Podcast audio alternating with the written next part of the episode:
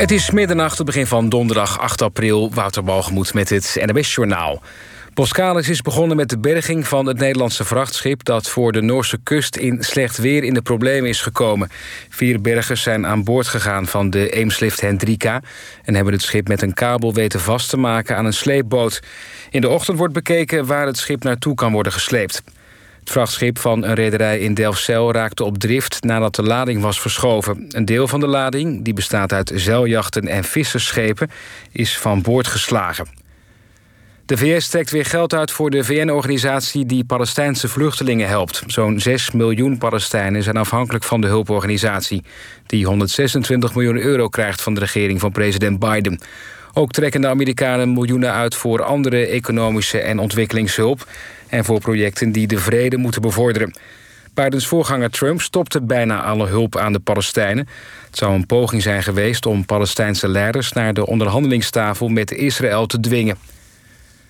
Twee agenten zijn afgelopen avond gewond geraakt bij een achtervolging in Den Haag. De bestuurder van de achtervolgde auto is opgepakt.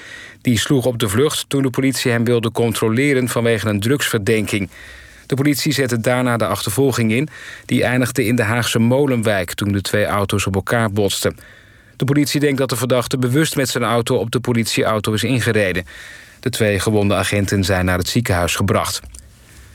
Voetbal in de kwartfinales van de Champions League heeft Paris Saint-Germain in München met 3-2 gewonnen van Bayern. En ook FC Porto verloor in eigen huis met 2-0 van Chelsea. Het weer nog. Vannacht wordt het overal droger en wisselen wolkenvelden en opklaringen elkaar af. Landinwaarts kan het een graadje vriezen. Morgen overwegend droog met af en toe zon.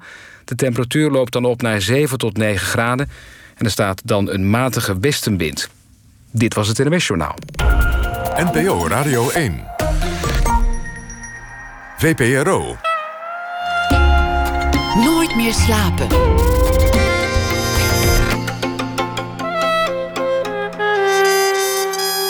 Met Pieter van der Wielen. Goedenacht en welkom bij Nooit meer slapen. Gisteravond was Jim Jansen hier te gast. En, uh, dat is de nog energiekere broer van Dolf Jansen. Hij brak een lans voor de wetenschap. En hij was de gast omdat hij genomineerd is voor een prijs van de Hoogbegaafde Vereniging. Vannacht gaan we het over een hele andere boeg gooien. We gaan het hebben over domheid. Als we de wereld dan toch zo nodig moeten rangschikken naar modellen, data en cijfers. En dan gaan kijken of we hem kunnen perfectioneren. De vraag: wat is eigenlijk de prijs van domheid? Hoeveel levensjaren, hoeveel economische schade? Succes met het modelleren. Mijn gast komend houdt zich al 40 jaar met het onderwerp bezig. Het onderwerp domheid. Hij is de wijsgeer van de domheid, de domgeer of de morosoof. 40 jaar monomaan studeren op de domheid. Dat komt natuurlijk ook niet heel snugger over. Ik zeg het maar vast, dat scheelt u weer een boze tweet. Gelukkig doet Matthijs van Boksel alles met een zekere humor en met eruditie. En het bracht hem ver. We zijn zeven boeken verder en vele lezingen. Zijn werk is vertaald in 17 landen. En, zo vermeldt de kaft, de gevolgen zijn overal inmiddels merkbaar. Domheid dus. Het is een ongrijpbaar onderwerp. Want wie is er slim genoeg om zijn eigen domheid in te zien? En werden die paar genieën in hun eigen tijd niet stevast als dwaas gezien? Het nieuwste werk van zijn hand, de topografie van de domheid. Over de pogingen de domheid aan een plek te binden tussen landen, binnenlanden, zelfs buurten. Het werd al snel een boek over stereotyperingen, volksvertellingen en spot. Van Belgemop tot de gedachte dat Kampen het epicentrum van alle Nederlandse domheid is. Matthijs van Boksel werd geboren in 1957 en hij is naast expert op het gebied van domheid ook iemand die op hoog niveau de absurde leer van de patafysica bedrijft. Waarover straks meer. Matthijs, hartelijk welkom. Dankjewel. Is, is een wonderlijk begrip domheid. Waar hebben we het eigenlijk over? Wat, wat is domheid? Het tegenovergestelde van slimheid, een gebrek aan intelligentie. Of um, nou ja, als je de studie naar maakt, dan word je allereerst bevrijd van je eigen uh, gemeenplaatsen over de domheid. Aanvankelijk dacht ik ook dat domheid een gebrek aan intelligentie was. Maar intelligente mensen doen ook domme dingen. Precies. En ik las toen de redenvoering van de Oostenrijkse schrijver Robert Musil. Die heeft in 1937 een redenvoering geschreven über die Doemheid. En dat was een verkapte aanklacht tegen de nazi's en tegen de katholieke fascisten... die op dat moment in Wenen de macht hadden overgenomen. En dat was een razend moeilijke tekst. Ehm, en uh, ik heb gekeken welke bronnen Moezel had geraadpleegd. En toen vond ik allemaal serieuze boeken over de domheid. Geschreven door theologen, sociologen, psychologen. Dus uh, het tegenovergestelde van moppetrommels. En toen drong opeens tot me door, wacht eventjes, domheid is om te beginnen een serieus onderwerp. Ten tweede, domheid werd gedefinieerd als een zelfstandige eigenschap. Dus niet als een gebrek. Niet als een gebrek aan intelligentie. En ook niet als een gebrek aan gevoel. Uh, want de meeste woorden voor dom, eh, of de meeste eh, talen kennen woorden voor dom die afgeleid zijn van zintuigelijke gebreken. Dom betekende oorspronkelijk doof. En stom, dat is iemand die niet kan spreken, maar ook vertaald naar iemand die geestelijk uh, achterlijk is. Kortzichtig, dat is nog zo'n dubbelzinnige term. Kortom, domheid werd gezien als een esthetisch begrip. Men dacht, een, een gebrekkige zintuigelijkheid zou impliceren dat je ook gebrekkig kennis nam van de wereld. Uh, het omgekeerde is ook het geval dat als een van je zintuigen uitvalt, dan ontwikkel je de andere zintuigen weer buitengewoon. Uh, een blinde pianist is het ultieme. Um, hoe dan ook, domheid is een zelfstandige eigenschap. En toen ging ik ook zoeken in de beeldende kunst. Toen vond ik allemaal allegorische voorstellingen van domheid. Uh, naast voorstellingen van goedheid, schoonheid, waarheid, noem maar op. Dus domheid werd ook gezien als een zelfstandige macht. Um, dat waren trouwens prachtige plaatjes. Op een van die plaatjes zie je een vrouw met blote borsten, een krans van narcissen door het haar gevlochten. En zij leunt tegen een geit. En die geit die koudt op een blauwe distel. En de verklaring was. Uh, narcis, daar zit het woord narke in. Denk aan narcose, dat betekent versuffing blote borsten die wijzen op schaamteloosheid. En uh, Plinius heeft geschreven over een geit dat als hij had gegeten van de blauwe distel, dat hij niet meer vooruit te krijgen was. Dus zo heb je al drie aspecten van domheid samengebald in die ene prent. Maar ik vond tientallen prenten. En bijna in alle culturen vond ik wel symbolen uh, van de domheid terug. En domheid, dat kan dus duiden op suffigheid. Het kan, kan duiden op, op morele slechtheid in sommige gevallen. Nou, dat laatste, dat is eentje waar ik nu mijn tanden op stuk bijt.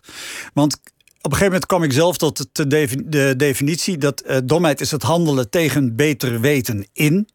Uh, het meest simpele voorbeeld is, is roken. Uh, je weet dat het slecht is, maar toch doe je het. dat geeft al aan dat domheid dus niks met kennis te maken heeft, want je weet wel beter. maar je doet het toch. Dus het getuigt van een, een soort blinde drang.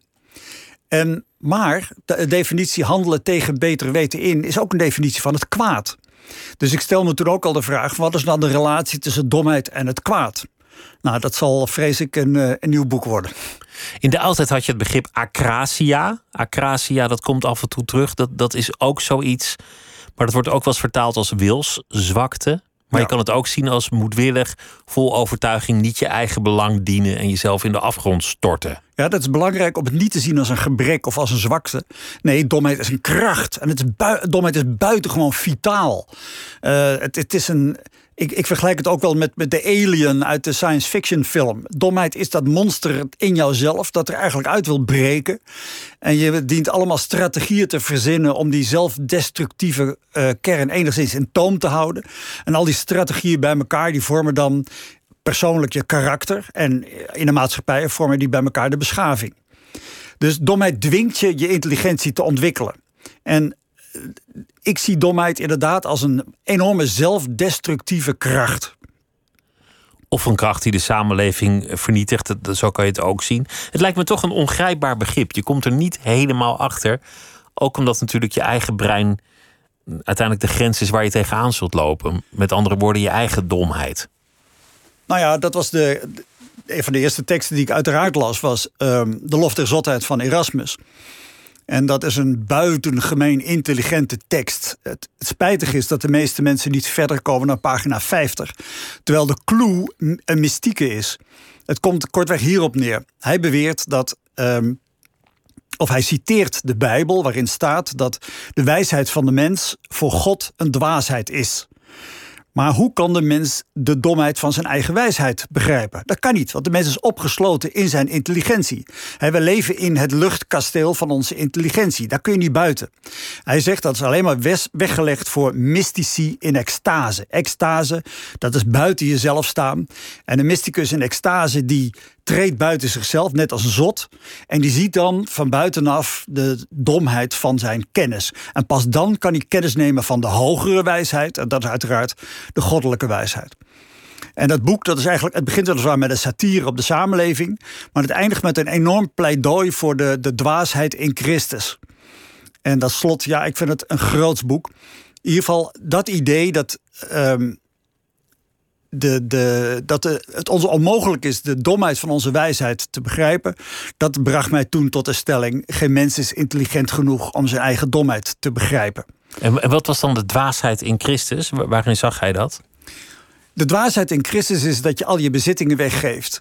Is dat je breekt met je familie, dat je breekt met de materiële wereld en dat je je eh, stilhoudt. Je leeft door niet te leven en je te concentreren op de wereld in het hiernamaals. Dat is uiteraard de christelijke boodschap. Nou, uh, geloof ik niet in God, ik geloof ook niet in een hiernamaals, dus ik vertaal het gewoon maar eventjes naar onszelf. Geen mens is intelligent genoeg zijn eigen domheid te begrijpen. Je zei het begon met die tekst van, van Robert Musil. Dat, dat is inmiddels 40 jaar geleden of zo. Wanneer werd 1937 was dat. Nee, maar dat jij gegrepen oh. werd door die tekst? Nou, in 1980 las ik um, De Man ohne Eigenschaften. En dat uh, boek was voor mij zo doorslaggevend dat ik uh, overstapte van de studie Nederlands naar de studie literatuurwetenschap. Om me eigenlijk alleen maar op dat boek te kunnen uh, concentreren. En toen las ik de rest van zijn verzameld werk. En als laatste tekst in dat verzameld werk stond dan Uber die Doemheid. Nou, de Man ohne Eigenschaften, dat is een pil van 2000 pagina's en het boek is niet voltooid. Er zijn nog 10.000 pagina's die uh, je alleen maar via een, CD-ROM uh, te pakken kunt krijgen. Dus ik dacht, nou, het lijkt me niet verstandig om daarop af te studeren. Dus ik dacht, weet je wat, ik beperk me tot Uber die Doemheid. Nou, daar ben ik uiteindelijk dan in, in 1983 op afgestudeerd. En ik merkte in mijn omgeving dat mensen onrustig werden als ik over het onderwerp domheid sprak. Ze vonden het ook aanmatigend. Wie ben jij wel dat jij eh, op deze jonge leeftijd over de domheid gaat spreken? Um, dus ik dacht meteen van kijk, dat is heel mooi. We, hebben hier, uh, we staan hier op een monster dat heel veel mensen uh, angst aanjaagt. Een soort taboe eigenlijk. Het is een taboe, absoluut. Want als je iemand dom noemt, dan, dan sluit je hem uit van de conversatie.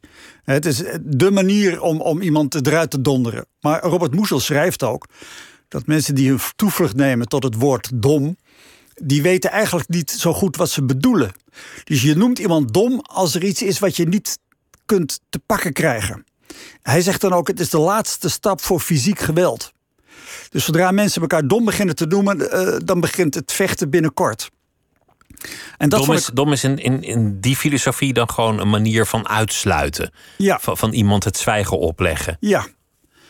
En dat vond ik ook buitengewoon interessant. Enfin, dat, die redenvoering staat vol met interessante uh, opmerkingen. Ik heb die tekst ook vertaald uh, in uh, mijn eerste reeks deeltjes over de encyclopedie van de domheid. En die begon in 1986 te verschijnen. En deel 1 was dan een algemene inleiding. Deel 2 was dan de vertaling van Moezel. Deel 3 ging over Gustave Flaubert. En deel 4 zou handelen over, tadaam, trommels, trompetten, de topografie van de domheid. En dan zitten we in 1987. En toen stelde ik mij de vraag, want ik had natuurlijk al de nodige steden en provincies verzameld die spreekwoordelijk bekend stonden als dom. Ik stel me toen de vraag waarom uitgerekend die steden en provincies de dupe waren. En nou ja, dat is een deur die ik beter nog even gesloten had kunnen houden. Want toen kwam er opeens een stortvloed aan materiaal. En ik kon dat nauwelijks meer behappen. En toen ben ik eigenlijk begonnen met het structureren van een soort, ja, het in elkaar zetten van een soort theorie. Maar ik ben eerder een literator dan een theoreticus of dan een wetenschapper. Dus ik dacht van, weet je wat, ik ga er echt ook een literaire eenmanstheorie van maken. Dus eigenlijk een alomvattende theorie van de domheid in de cultuurgeschiedenis wil, wilde je schrijven? Zo is het maar net. Dat, dat is een, eh, over domheid gesproken een dwaas project. ik zocht naar de sleutel van het wereldraadsel en ik meende hem ook gevonden te hebben. En hoe fanatiek was je daarin? Hoe, in hoeverre kon je dat nog naast je neerleggen, dat, dat project, die ambitie? Niet. Daar Totaal we- niet. Nee, daar kunnen we kort over zijn. Hele nachten doorgaan. Ja, en dat ging, op een gegeven moment was dat ziekelijk. Kijk, ik had die theorie uitgewerkt en ik had hem op een A4'tje eh, uitgetikt. Let wel, dit was nog voordat de computer zijn intrede deed. En ehm, toen gaf ik een heleboel lezingen over het onderwerp en ik schreef ontzaglijk veel. En dat was allemaal prachtig en ik was eigenlijk diep gelukkig. Maar dat geluk, daar kwam een eind aan toen ik weer terugging naar het eerste papiertje. En ik begreep helemaal niets van wat daar stond. Dus mijn intelligentie had me dan gebracht tot een bepaalde grens. En daar begon die intelligentie zich tegen mij te keren. Dat is, zo je wilt, mijn domheidspunt. Dit is een soort manisch geluk wat je beschrijft. Ja, dat was het ook. En ehm, de, de grote instorting was dus daar. En toen begon ik heel fanatiek te sporten. En ehm, Waarom deed je dat? Wat had dat sporten ermee van doen? Eh, nou ja, eh, broeder Ezel dient eh, op een of andere manier zich te bewegen, wil de geest ook nog kunnen functioneren. En ik heb toen een home trainer aangeschaft, de eerste van vijf home trainers. en eh, op de home trainer zat ik elke dag opnieuw die theorie, al malende, al draaiende, zat ik hem te herhalen. En elke dag dacht ik weer dat ik de oplossing had gevonden en typte ik dat weer uit. Maar meer opnieuw de volgende dag kwam ik erachter dat het niet was. Maar elke ochtend stond ik op met een juichend gevoel: vandaag gaat het mij lukken. Vandaag ga je de ultieme theorie over Ja, de domheid beschrijven. Nou ja, dat was dus de finale instorting. En toen, Wa- Wat, was de finale instorting? Hoe, hoe ging dat? Eh, ja, ja, dat is allemaal fysiek ongemak. Eh, Kolieken, eh, Wat zijn kolieken? darmkrampen. Oh ja. ja, wat moet ik er verder van zeggen? Het was, het was onaangenaam. Hoe, hoe ver ging het? Hoe, hoe dichtbij, nou ja, laten we het gewoon meteen, meteen heel groot maken. Hoe dichtbij bij de dood ben je geweest? Nou, toen nog niet. Eh, ik merkte al wel dat ik last, erg last kreeg van boezemfibrillaties. Oh, dat, dat klinkt al een beetje dood. Dat is het grote gevaar van iedere schrijver. Eh, dat, ja, dat, dat zittende, zittende denken, dat is, dat is niet zo gezond. Volgens Nietzsche moet je ook lopend denken. Eh, dat heb ik trouwens ook al gedaan hoor. Maar afijn, die theorie kwam er niet. Op de eh, home trainer op een gegeven moment bedacht ik me... weet je wat, die eh, theorie was in de vorm van een lijn. Een soort causale lijn, oorzaak en gevolg. En toen op de fiets drong tot me door... nee, je moet hem in een spiraal draaien. Want er was één element dat steeds opnieuw opdook... op een ander punt op diezelfde lijn. En toen ik die, die, die lijn had omgedraaid tot een spiraal... toen bleek dat ene element op ieder niveau... boven het andere niveau op te springen. En ik dacht, wacht even, dat is de oplossing. De domheid komt steeds opnieuw terug op een ander niveau. Nou, dat is een, werkelijk een zeer gelukzalig moment.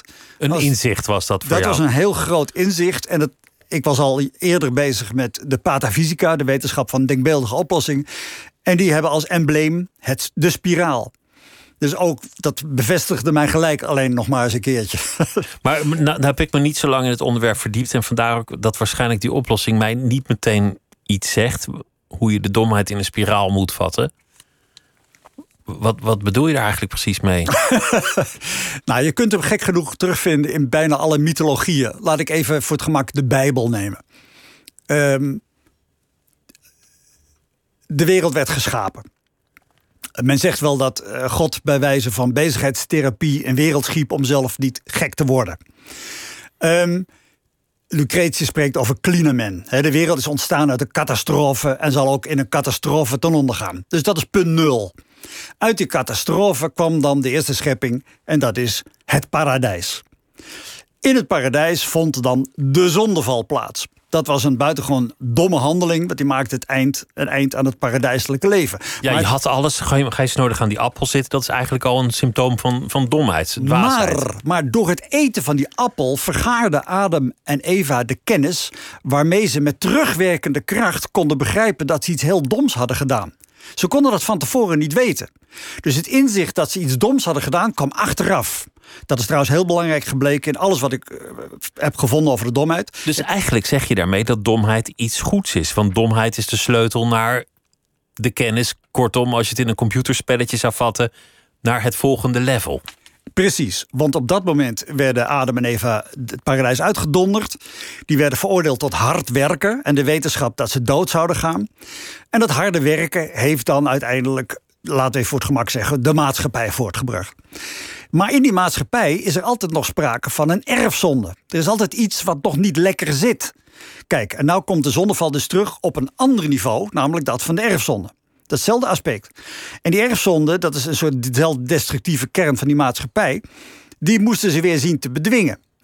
In de ultieme situatie is het zo dat veel christenen dachten dat de heilstaat zou uit, uitbreken als het kwaad bezworen was. En het kwaad, dat is dus tegelijk de domheid, die uh, zij in een duivel of in een ander volk dat ze zou aanvallen. Kortom, die hadden de fantasie: er zou een nieuw paradijs zijn als er geen vijanden waren. Vertaald naar mijn situatie, wij zouden in een ideale samenleving uh, leven als er geen domme steden waren die de boel verpesten. En inderdaad, die verhalen die ik verzamelde, daaruit bleek dat die steden de schuld kregen van economische missers, de, de schuld kregen van, van epidemieën. Uh, het, het was een soort zondebokrol die deze steden toegewezen kregen. De domheid werd op één geografisch punt bedacht. Precies. En Alle dat was... domheid komt uit kampen, ik noem maar wat. Ja, dat is binnenlands. Hè? Maar het begon ermee dat eigenlijk de domheid altijd uit het buitenland komt. En uh, mijn eerste reeks uh, mijn eerste verzameling bestond uit buitenlanden. Dus de Nederlanders noemen de Belgedom, de Belgen de Luxemburgers, de Luxemburgers de Duitsers, de Duitsers de Oost-Duitsers, de Oost-Duitsers de Polen, de Polen de Russen, de Russen de Turkmenen, de Turkmenen de Turken, de Turken de Grieken. En dan zit je op de Balkan, kruid van de vat van de geschiedenis, waar iedereen elkaar dom noemt. Nou, in het hartje van de Balkan, daar ligt Bled in Slovenië. En daar heb ik een paar jaar geleden de keynote speech voor de pen gehouden.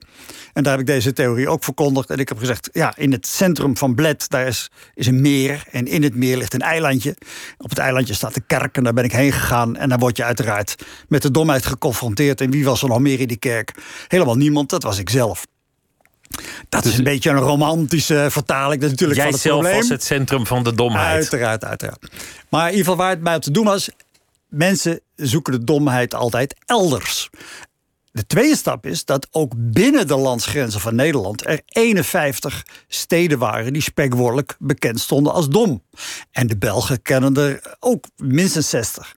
De Fransen, de Engelsen, de Duitsers. Je kon ze werkelijk overal vinden. Nou, en naarmate ik meer studie maakte van het onderwerp, begon mijn. Want eventjes terug. Ik had dus die theorie ontwikkeld. Met die theorie kon ik eindelijk mijn tekst in banen leiden. En toen ontmoette ik Anthony Mertens, een redacteur bij Querido. En die zei, nou gaan we goddomme dat boek uitbrengen. En toen hebben we de eerste essays eruit gehaald... die ik geschreven had voor die topografie. Bijvoorbeeld een essay over waar zitten de domoren in de hel van Dante. Dat is ook een topografie van de domheid. Uh, waar zit de domheid in de Engelse tuinarchitectuur? Ook een vorm van topografie van domheid. Uh, dat was het eerste deel. Dus dat boek is geboren uit die topografie van de domheid. Toen kreeg allemaal waantheorieën van mensen die beweerden dat de Odyssee en de Ilias zich hadden afgespeeld in Nederland. En dat Delft eigenlijk Delphi is. En, en Drenthe is eigenlijk Thracië. En, en, en Kerke, dat is Zierikzee.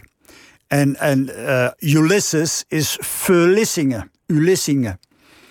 Nou, uh, dat is een schitterende theorie die ik enorm waardeer vanwege zijn literaire kwaliteiten. Maar de auteur was het menens. Hoe dan ook, ik verzamelde dus een heleboel waantheorieën over topografie. Dat was het tweede boek, de Morosofie. En toen uh, hield ik me bezig met het ontstaan van Nederland.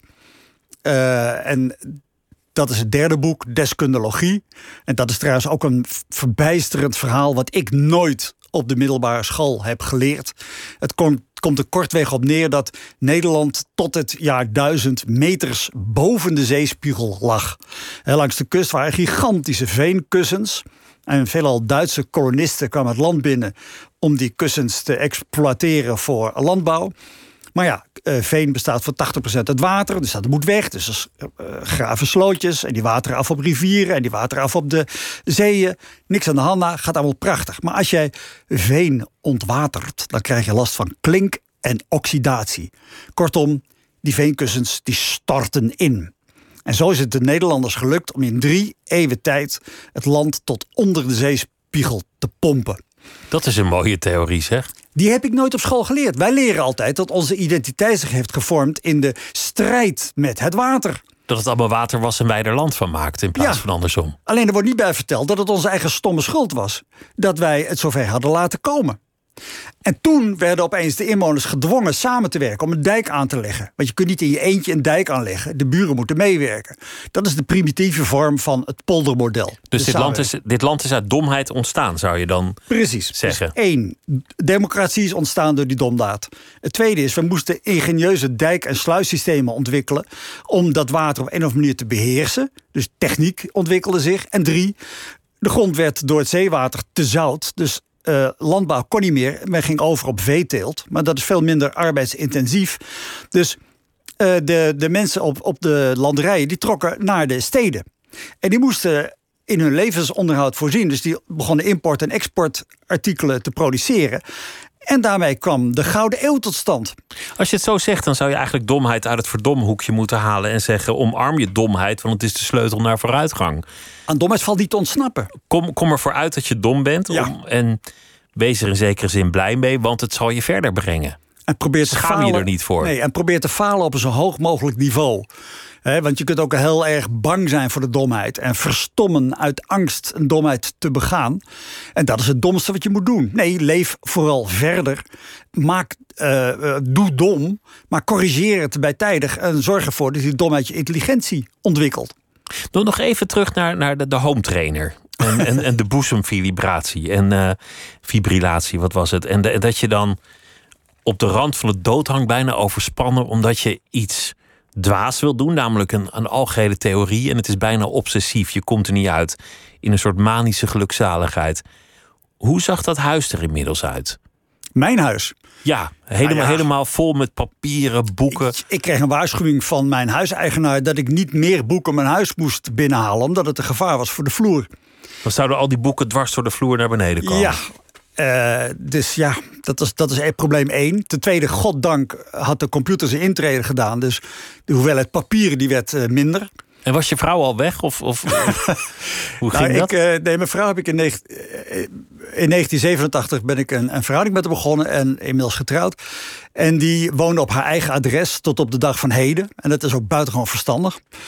Ehm, Want die, die dacht, ja, het is, het is een, leuke gast, maar ik, tussen al die boeken en die papieren ja, en die dus- home trainer. Dat zou te gek zijn.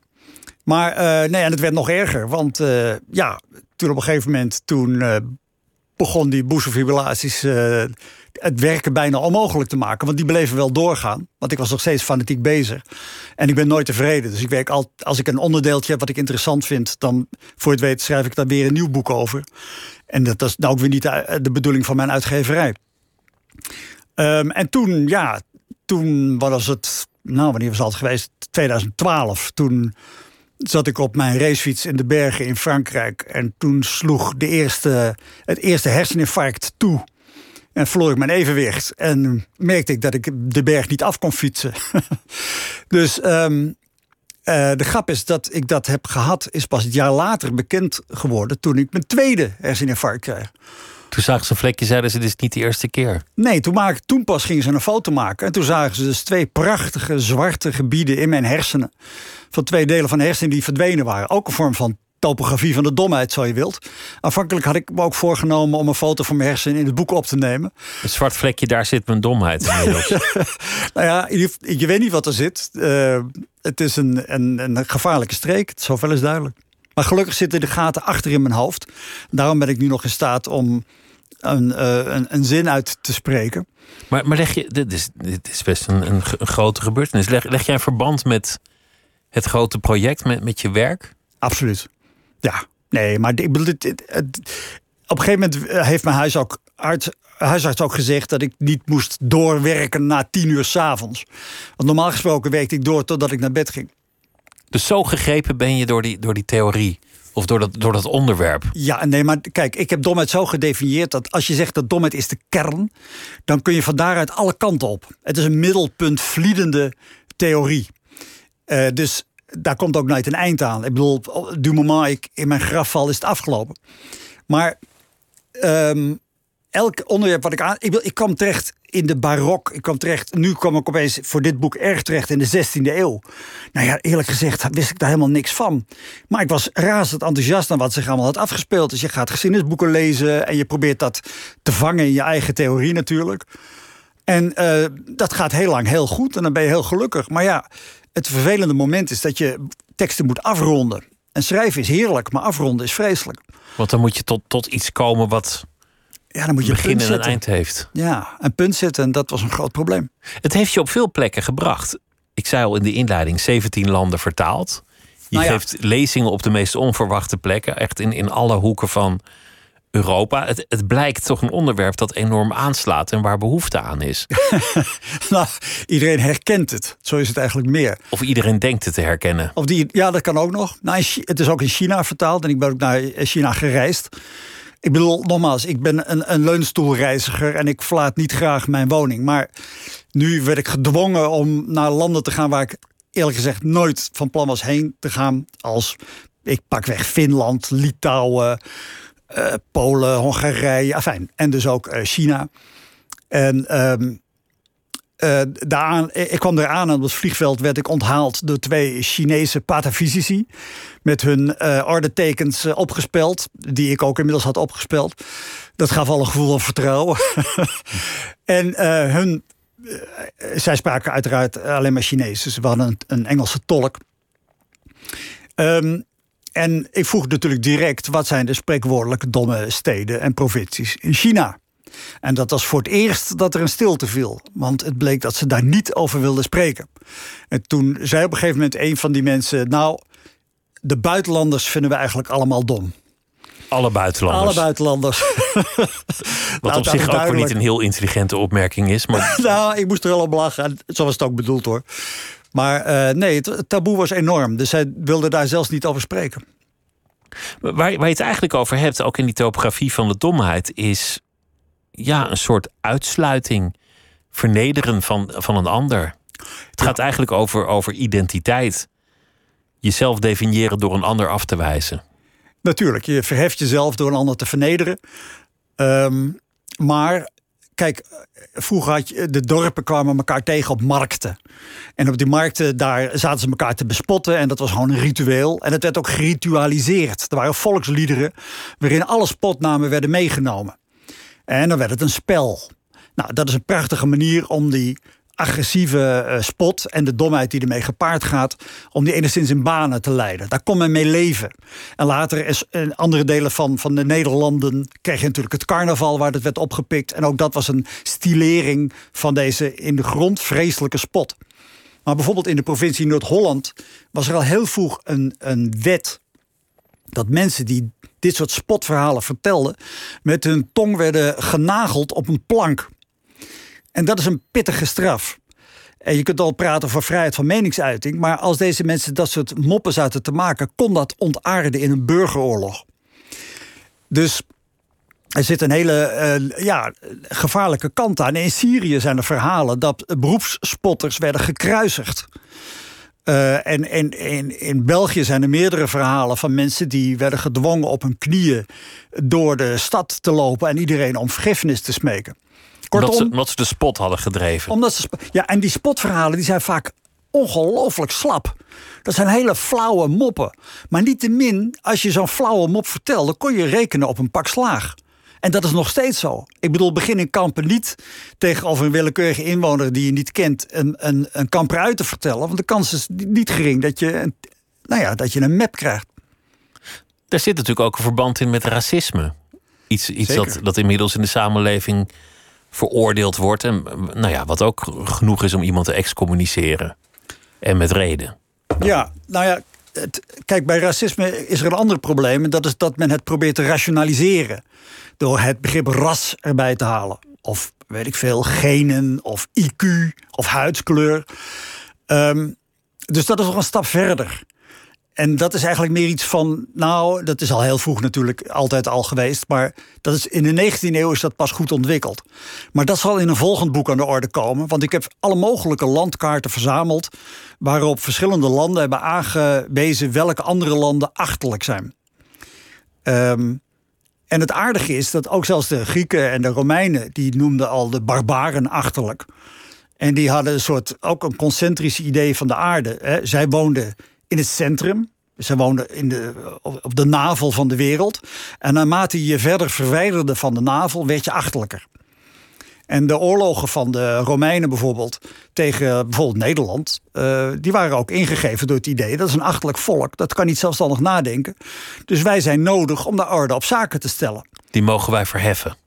Ja, maar dat verheffen bestond er meestal in dat de helft van de bevolking werd afgeslacht en dat de vrouwen in slavernij werden afgevoerd. Dus dat is het tweede. Hè, dat een, een, je kunt nog zo'n mooie en grote beschaving hebben, maar naarmate je jezelf verwijdert van die kern, word je zelf ook kwaadaardiger en onbeschaafder en achterlijker.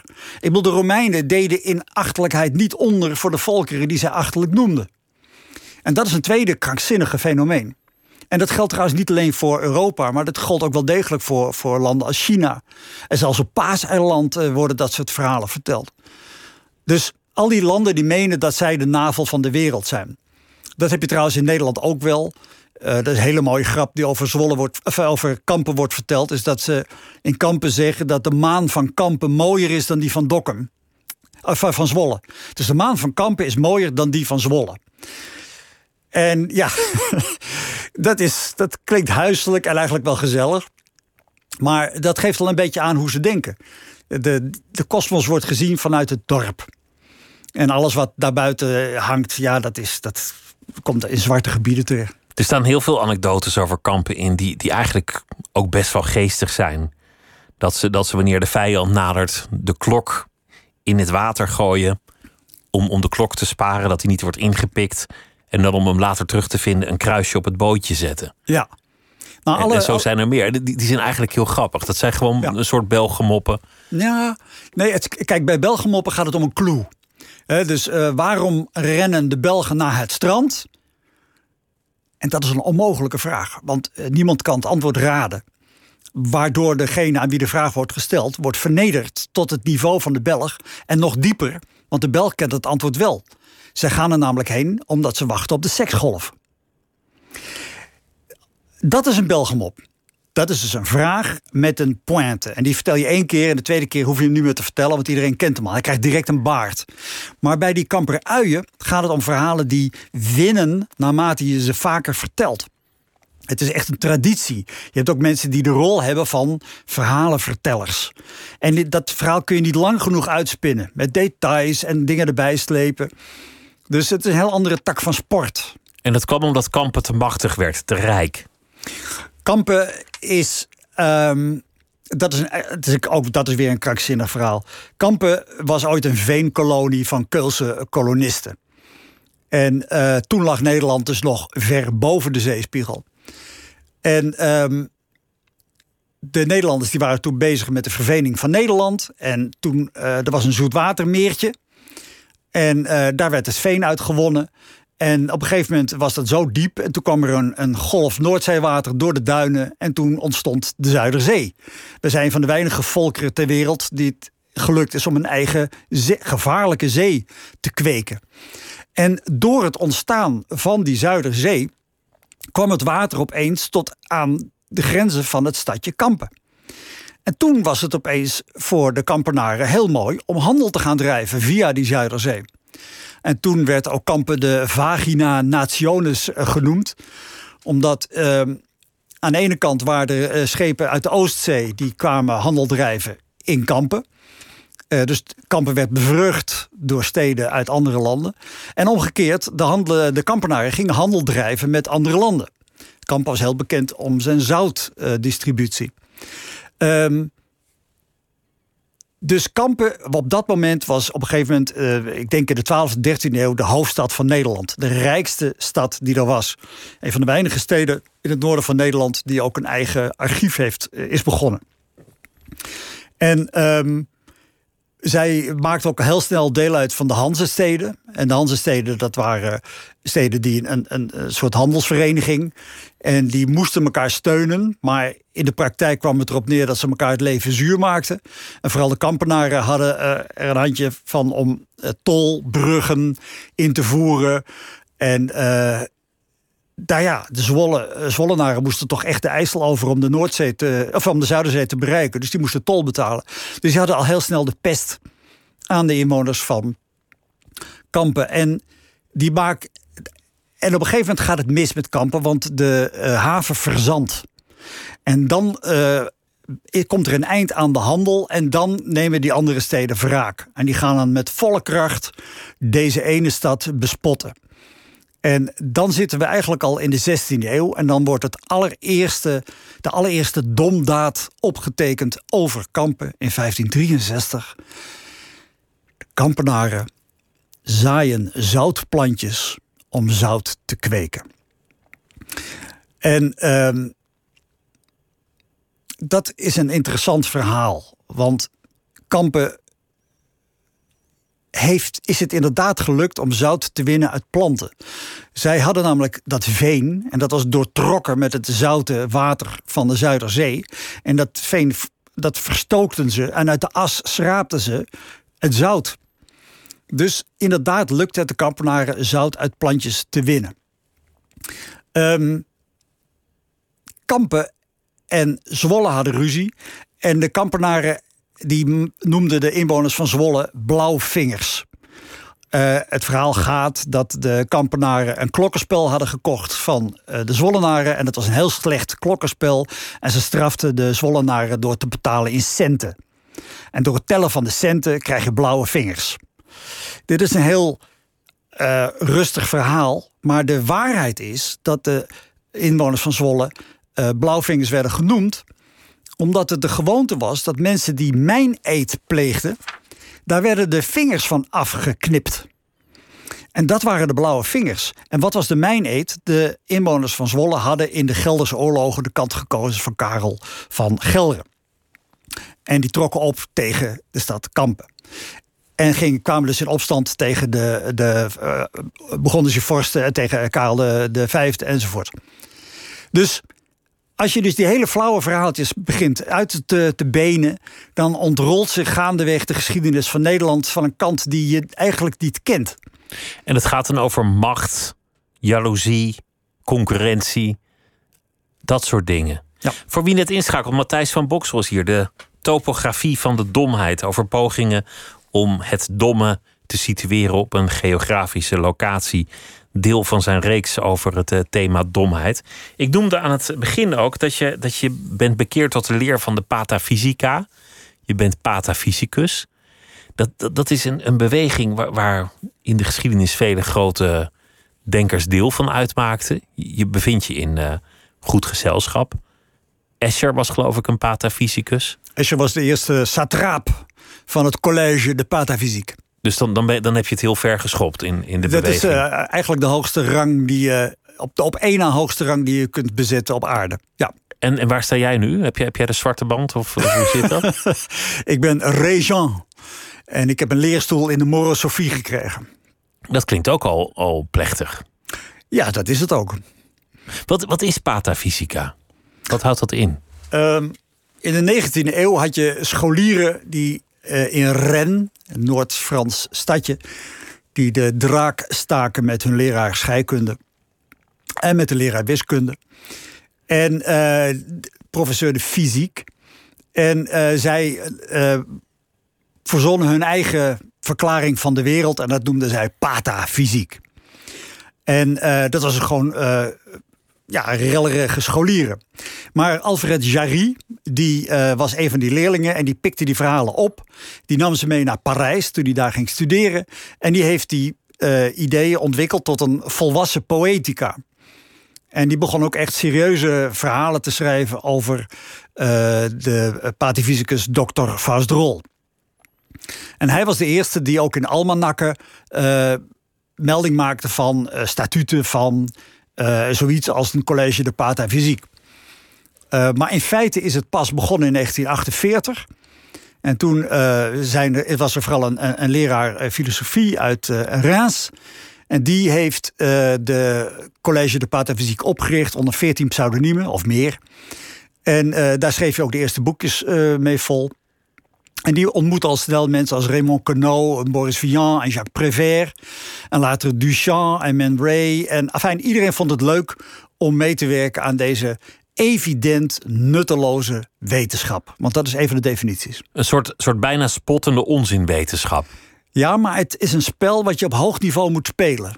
Het is een spel, maar je moet het wel heel serieus spelen. Ik bedoel, Raymond Queneau heeft een verhandeling geschreven over de zijwindgevoeligheid van de optelsom. Uh, 1 plus 1 is 2. Maar als er een hevige wind staat, dan kan het eerste eentje wegwaaien en dat plusje naar beneden donderen en dan staat er opeens 1 is 2. Conclusie: geef uw som een aerodynamische vorm. En ook is er, uh, Jarry heeft studie gedaan naar de oppervlakte van God.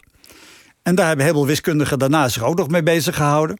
En dan ga je naar lezingen, je leest elkaars artikelen, je corrigeert elkaar, je beapplaudisseert elkaar in evident onzinnige ja. kwatsch, kul. Het is, ja, maar het, het, is meer dan kwatsch en kul. Want het zijn nogmaals het zijn allemaal zeer erudite mensen. En hun informatie, hun erudite informatie, die verwerken ze ook in hun theorieën.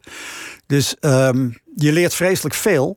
Maar kijk, het gaat om het spel. Het gaat om de extase in het spel. Ik heb net over de extase van dat je de domheid van je wijsheid beseft. Hier vind je diezelfde extase. je, je... De wijsheid van je domheid eigenlijk. Ja, op de, nou ja, of de domheid van je wijsheid. In dit geval gaat het erom dat je elkaar in het spel tot grote hoogte brengt.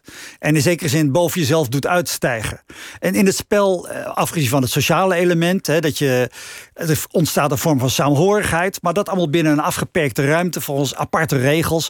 Kortom, helemaal volgens het idee wat Huizinga ooit in de Homo Ludens heeft eh, gedefinieerd. Dat is trouwens een van de, de bijbels van de Nederlandse patafysici. De spelende mens. De spelende mens. En dit, daar, een duidelijke definitie wat het spel is. Hè? Het gaat niet om een spelletje. Eh, sterker nog, Huizinga zegt dat alle beschaving is geboren in een spel op de grens van scherts en ernst. Jawel. En dan zit, je, dan zit je echt bij Patafysica. Het heeft ook een eigen kalender. Eigen, met 13 maanden en iedere vrijdag is een dertiende. Ja, en we hebben eigen heiligen. Saint Raphaël bijvoorbeeld, aperitief. Uh, Saint Lazare, Gare, station. Uh, we hebben eigen heiligen, ja. We hebben eigen statuten. We hebben uh, onze eigen God, namelijk Dr. Vasdrol. We weten dat hij God is omdat hij het zelf heeft gezegd. Uh, en die zweeft in de eternité, in de eeuwigheid van ether. Alfred Jarry was een etersnuiver. En dat doet hij in het gezelschap van een, een aap, Bosse de Nage. Die het, de geleerde vertogen van zijn meester voortdurend onderbreekt met een vreugdeloos ha, ha. En um, ja, dat is de kosmos waarin ik ongeveer leef. En hoe was dat het afgelopen jaar? Ging, hadden jullie dan ook Zoom-meetings met, met, de, met de patafysici? Moest hmm. dat dan allemaal ook online gebeuren ineens? Nou, met die Fran nee, de Fransen die, die hebben eigenlijk helemaal niks met het internet. Dus dat kun je wel vergeten. In Nederland hebben we wel meerdere uh, bijeenkomsten, of niet zo vreselijk veel, bijeenkomsten gehad met Zoom. En, en dat eh, resulteert altijd in het collectief zingen van het ontherseningslied. Uh, La chanson du décervelage. Maar ja, met Zoom uh, is er niet een goede uh, afstemming van de stemmen. Dus dat is een, een chaos. Een hele prettige chaos. Um, ja, en daar geven mensen verhandelingen over. De laatste keer ging het over bellenblazen. Wat toch een hele mooie activiteit is. Nou, daar kan je best veel interessants over zeggen. Ja. Ik zou zo kunnen promoveren op het bellenblazen. Zeker, en er zijn een heleboel dieren die bellen blazen. En uh, dat bellenblazen van die dieren, dat wordt dan apart behandeld. En daar komt een heleboel wetenschap, werk, serieuze wetenschap bij kijken. Maar bedoel je dan goudvissen of... Nee, kikkers en, en, en andere dieren. En, en vergis je niet, uh, haringen die communiceren met elkaar door scheten te laten. Dat kun je trouwens vinden op, op YouTube. Uh, en die scheten die dat zijn uiteraard eerst belletjes, maar die knappen en dan komt er een geluid uit. Een hele hoge frequentie. Je hebt ook een, een, een gedicht meegenomen dat, dat past in die patafysische traditie. Nou ja, kijk, de, een van de onderdelen van de patafysica is de Oulipo, de ouvroir de. In het Nederlands heet dat de W-moli, werkplaats voor mogelijke literatuur. En dat betekent dat je uh, jezelf beperkingen oplegt en van daaruit maak je een verhaal of een gedicht of wat dan ook. Meestal lukt dat niet, soms lukt dat wel. En ik had me voorgenomen om de namen van, van vriendinnen die ik had, om daar de, de letters uit te nemen, maar ook de klanken.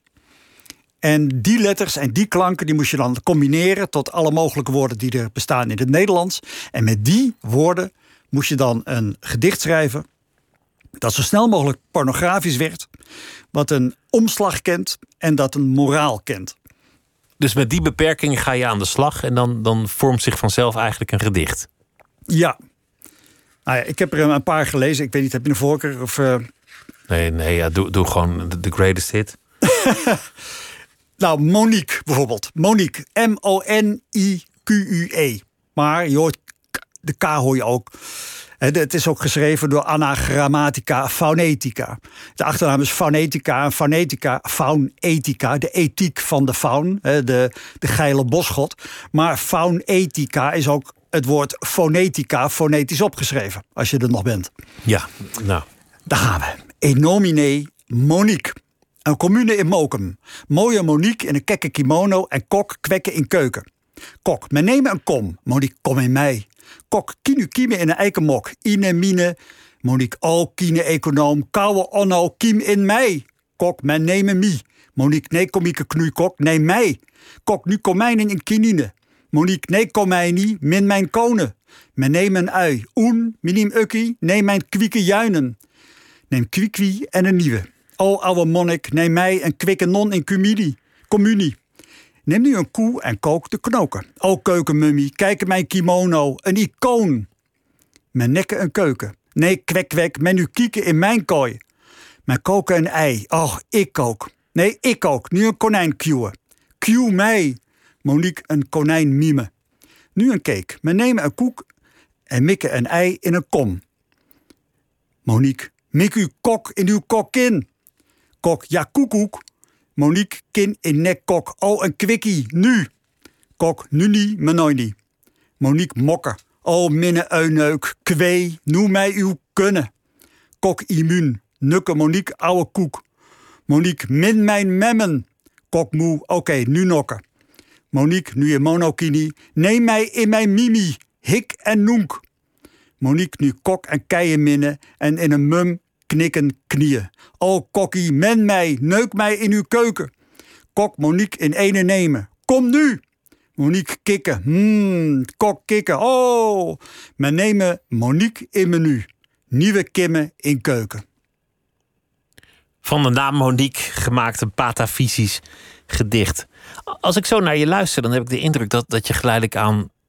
nou ja, toch die, die obsessieve stress die er eerst was in goede banen weten te leiden door, door, door er gewoon speelsheid, humor en vertier aan toe te voegen.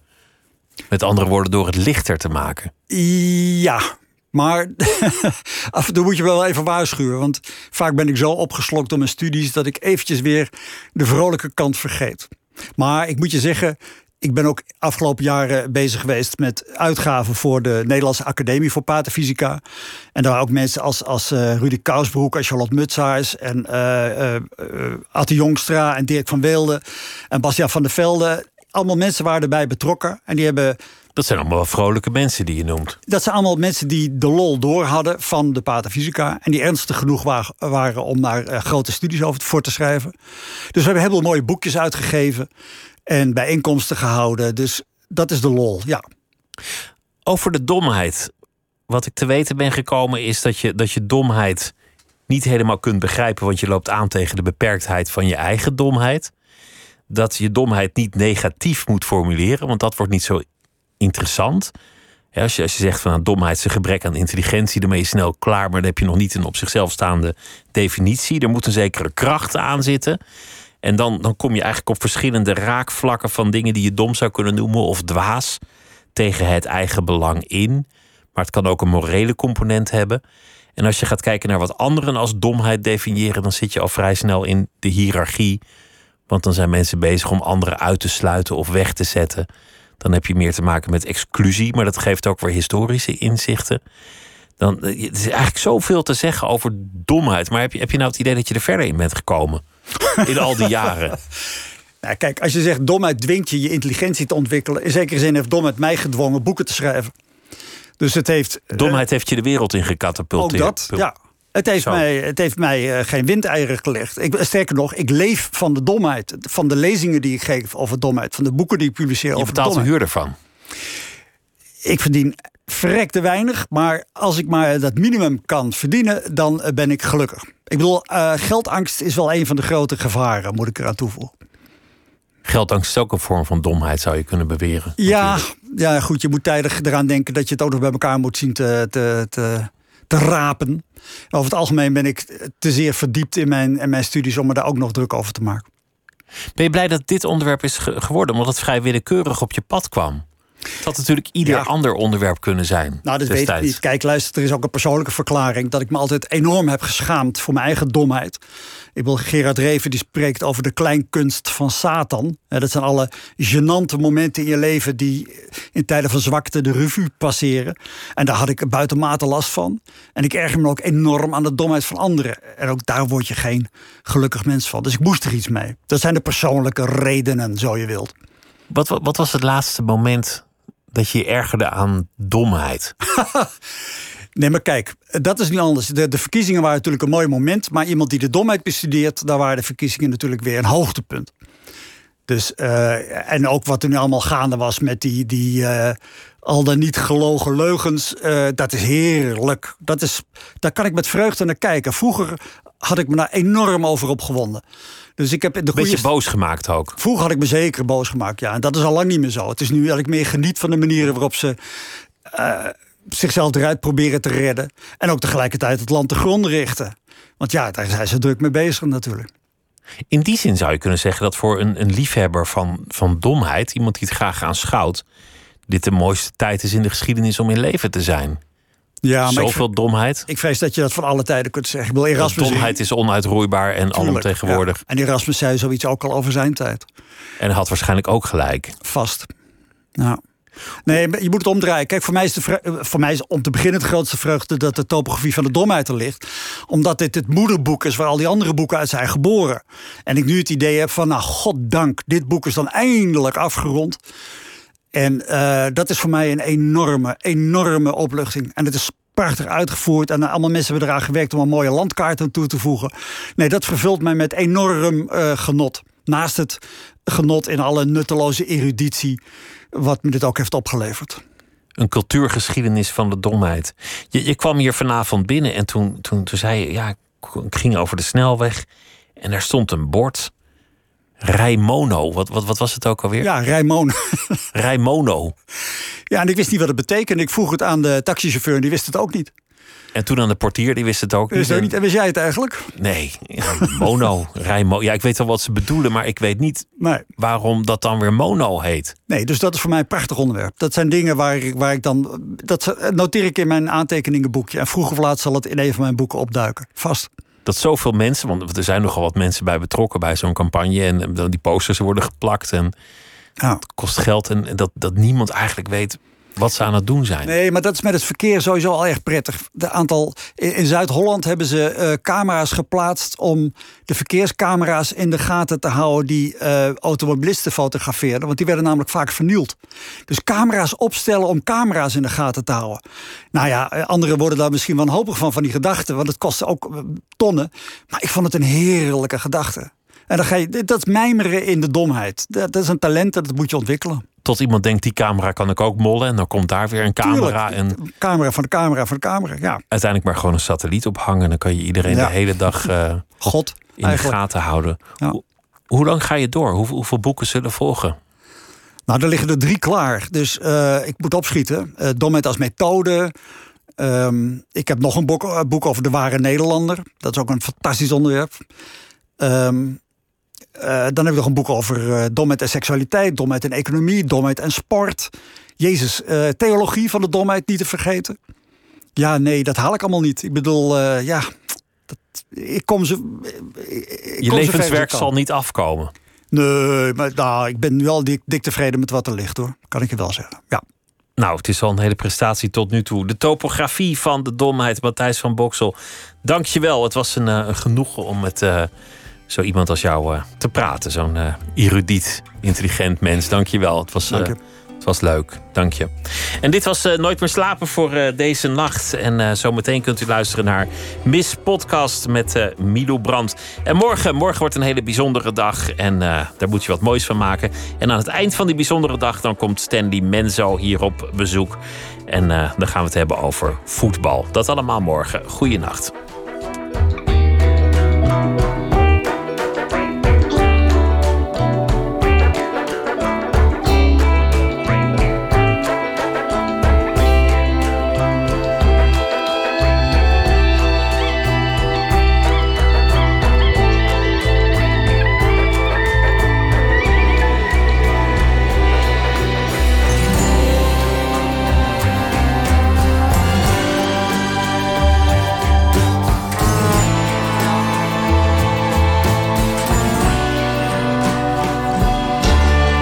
Radio 1. Het nieuws van alle kanten.